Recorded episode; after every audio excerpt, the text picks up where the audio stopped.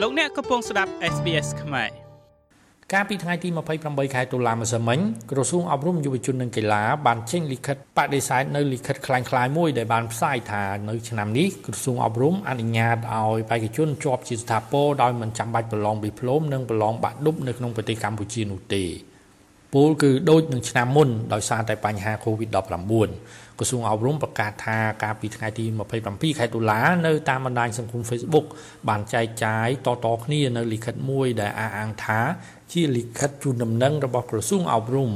ដោយកំណត់ឲ្យសិស្សប្រឡងមធ្យមសិក្សាទុតិយភូមិឬការប្រឡងបាក់ឌុបនិងសញ្ញាបត្រមធ្យមសិក្សាបឋមភូមិឬការប្រឡងឌីប្លូមនៅឆ្នាំនេះឲ្យជាប់ជាស្ថាពរដោយមិនកំណត់នីតិនោះទេ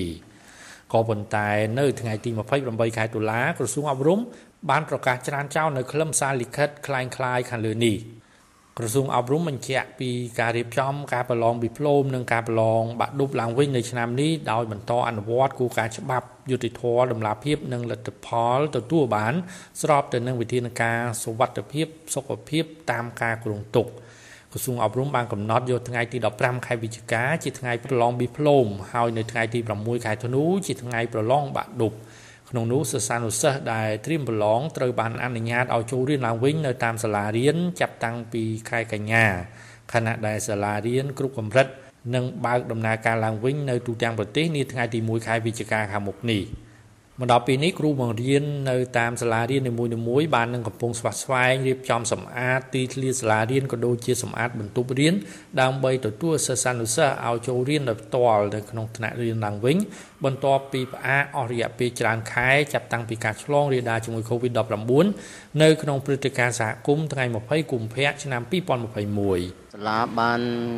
ជូនដំណឹងឬមួយក៏បានដាក់ផែនការជូនទៅលោកគ្រូអ្នកគ្រូទាំងអស់ត្រូវមក សម្អាតថ្នាក់រៀបចំថ្នាក់ឡើងវិញឲ្យស្អាតដើម្បីកូនកូនយើងចូលរៀនវិញនៅថ្ងៃទី1ខែវិច្ឆិកាខាងមុខនេះ ទី1ទី2ត្រូវបែងចែកសិស្សជា2ក្រុមបាទជា2ក្រុមក្នុងមួយថ្នាក់យើងចែកជា2ក្រុមគឺក្រុមទី1យើងរៀនថ្ងៃច័ន្ទអង្គារពុធក្រុមទី2យើងរៀនពហុសុក្រសៅរ៍បាទ ហើយមួយក្រុមគឺ20នាក់ចុះក្រោមបាទមួយក្រុម20នាក់ចុះក្រោមខ្ញុំទីមួយខ្ញុំមកបានបោសសម្អាតពីរហើយឡើងចុកចកែណាស់ហើយអញ្ចឹងមិញជូតថ្នាក់បោសអីចឹងទៅព្រោះខ្ញុំអ្នកឯងហ្នឹងតែអញ្ចឹងទៅមកបានមិនសិនមិញមកជូតថ្នាក់បោសជូតអីចឹងទៅថ្ងៃហ្នឹងខ្ញុំមកបើបង្ហើយចឹងទៅតាមជាងតែរូបភាពអីចឹងទៅវាមានធូលីមានអីចឹងទៅណាតារាងអីហ្នឹងខ្ញុំទៅជូតហើយតាចំពោះខ្ញុំជាមេដាទី2របស់កូនកូននិងក៏ក្មួយៗទាំងអស់ហ្នឹង ខ្ញុំមានអារម្មណ៍សប្បាយរីករាយខ្លាំងហ្មងដោយសារបានចូលរៀនហើយបានចូលរៀនអញ្ចឹងខ្ញុំក៏បានផ្ទាល់ជាមួយសិស្សខ្លះដែរព្រោះអីទោះបីខ្ញុំមិនបានមកក៏ខ្ញុំបានអនឡាញឬក៏ Zoom នៅផ្ទះខ្លះដែរអញ្ចឹងបើសិនជាបានមកក៏ខ្ញុំកាន់តែរំភើបរំភើបខ្លាំងដោយសារបានជួបកូនកូនផ្ទាល់ហើយ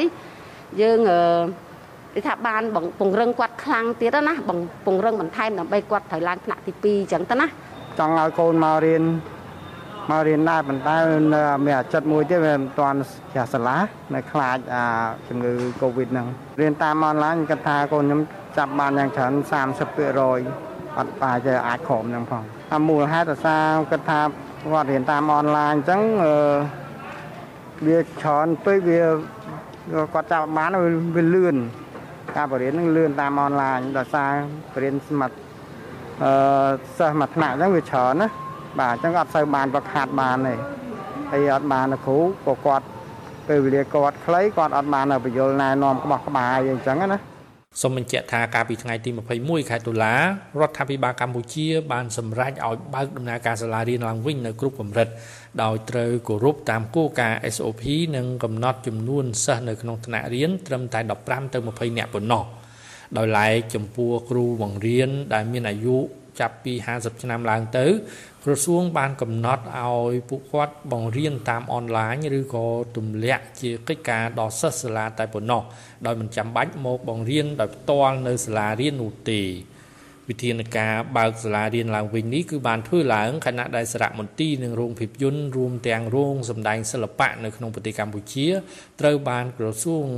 វប្បធម៌និងវិចិត្រសិល្បៈ បានប្រកាសអនុញ្ញាតឲ្យបើកដំណើរការឡើងវិញចាប់ពីថ្ងៃទី30ខែវិច្ឆិកាតទៅដោយឡែកហាងខារ៉ាអូខេរាំងកាសា Discotheque ត្រូវបានអាជ្ញាធររាជធានីភ្នំពេញប្រកាសបន្តបិទជាបណ្ដោះអាសន្នរយៈពេល2សប្តាហ៍ទៀតគិតចាប់ពីថ្ងៃទី29ខែតុលារហូតដល់ថ្ងៃទី11ខែវិច្ឆិកាអាជីវកម្មទាំងនេះត្រូវបានចាត់ទុកថាមានហានិភ័យនៃការឆ្លងរាលដាលជំងឺ Covid-19 ជំងឺ Covid-19 នៅក្នុងប្រទេសកម្ពុជា មកដល់សប្តាហ៍ថ្ងៃនេះគឺត្រូវបានក្រសួងសុខាភិបាលប្រកាសថាមានអ្នកឆ្លងជាង100នាក់និងស្លាប់ក្រោម10នាក់ក្នុងមួយថ្ងៃមួយថ្ងៃ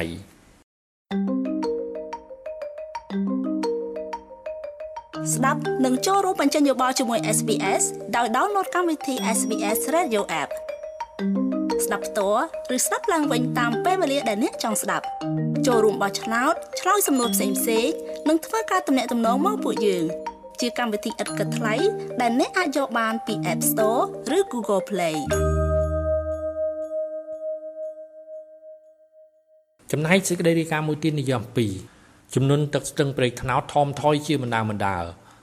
ស្ថានភាពចំនួនទឹកភ្លៀងនៅតាមស្ទឹងព្រែកថ្នោតក្នុងភូមិសាស្ត្រខណ្ឌដង្កោរាជធានីភ្នំពេញនៅថ្ងៃទី28ខែតុលាបានស្រកចុះជាបណ្ដាបណ្ដាហើយនៅទីតាំងភ្លើងស្តុបបាគូនៅចំណុចប្រសពរវាងផ្លូវលេខ217ឬផ្លូវចំការដូង និងផ្លូវលេខ60ផ្លូវចន្លោះពីជើងឯកទៅកាន់រមូលគួស្រូវនៅជារាជធានីភ្នំពេញដែលទឹកបានជន់លិចនិងហូរកាត់ កាលពីយប់ថ្ងៃទី27ខែកុម្ភៈគឺរហូតមកដល់ល្ងាចថ្ងៃទី28ខែកុម្ភៈចំនួនទឹកភ្លៀងនោះបានថមថយចុះទៅវិញបន្តិចហើយស្របពេលស្ថានភាពទឹកជំនន់តាមសណ្ដោស្ទឹងព្រៃថ្នោតថមថយនៅព្រឹកថ្ងៃទី28ខែតុលាលោកខួងស្រេងអភិបាលរាជធានីភ្នំពេញក៏បាននាំយកអំណោយប្រគល់ជូនដល់ប្រជាពលរដ្ឋចំនួនជាង500គ្រួសារនៅក្នុងខណ្ឌដង្កោដែលទទួលរងគ្រោះដោយសារជំនន់ទឹកភ្លៀងទឹកស្ទឹងព្រៃថ្នោតឡើងលេខផ្ទះរបស់ពួកគាត់ ការការទស្សទាយរបស់ក្រសួងសន្តិសុខថាស្អែកនឹងមានជួសមួយឆ្លងកាត់កម្ពុជារបស់យើងប៉ុន្តែបើសិនជាជួសនេះខ្លាយតែជាវិសភាទៀបវិញมันធ្លាក់ព្រៀងខ្លាំងយើងល្អប្រសើរហើយយើងបើយើងបានប្រមាណទៅពី3ភូមិនេះយើងគិតថាប្រហែលជា1000ជាងគ្រួសារហើយដែលរងប៉ះពាល់នៅទឹកចំនួនលិចដូចជាភូមិបាគូនេះលិចដល់ទៅ100 115គ្រួសារហើយ515គ្រួសារនៅខាងវាស្រានសុំវត្ត115ហើយនៅខាងសកាត់ទៀតលិចប៉ុន្តែលិចតែផ្ទះក្រោមផ្ទះគាត់អីតិចតួចឬក៏វាស្រែរបស់គាត់តែអ្នកភូមិអស់នោះគឺអ្នកភូមិចាស់មិនមែនអ្នកភូមិដែលទើបផ្លាស់ទីមកនៅថ្មីដូចជាក្នុងបរិយាអស់នេះទេគាត់នៅភូមិចាស់អញ្ចឹងគាត់មានម្ចាស់ការក្នុងការរៀបចំទុកដាក់នៅសម្ភារៈក៏ដូចជាការពារយុវជន នៅតំបន់ជារាជធានីភ្នំពេញតាមដងស្ទឹងព្រែកថ្នោតនៅប៉ុន្មានថ្ងៃមុននេះ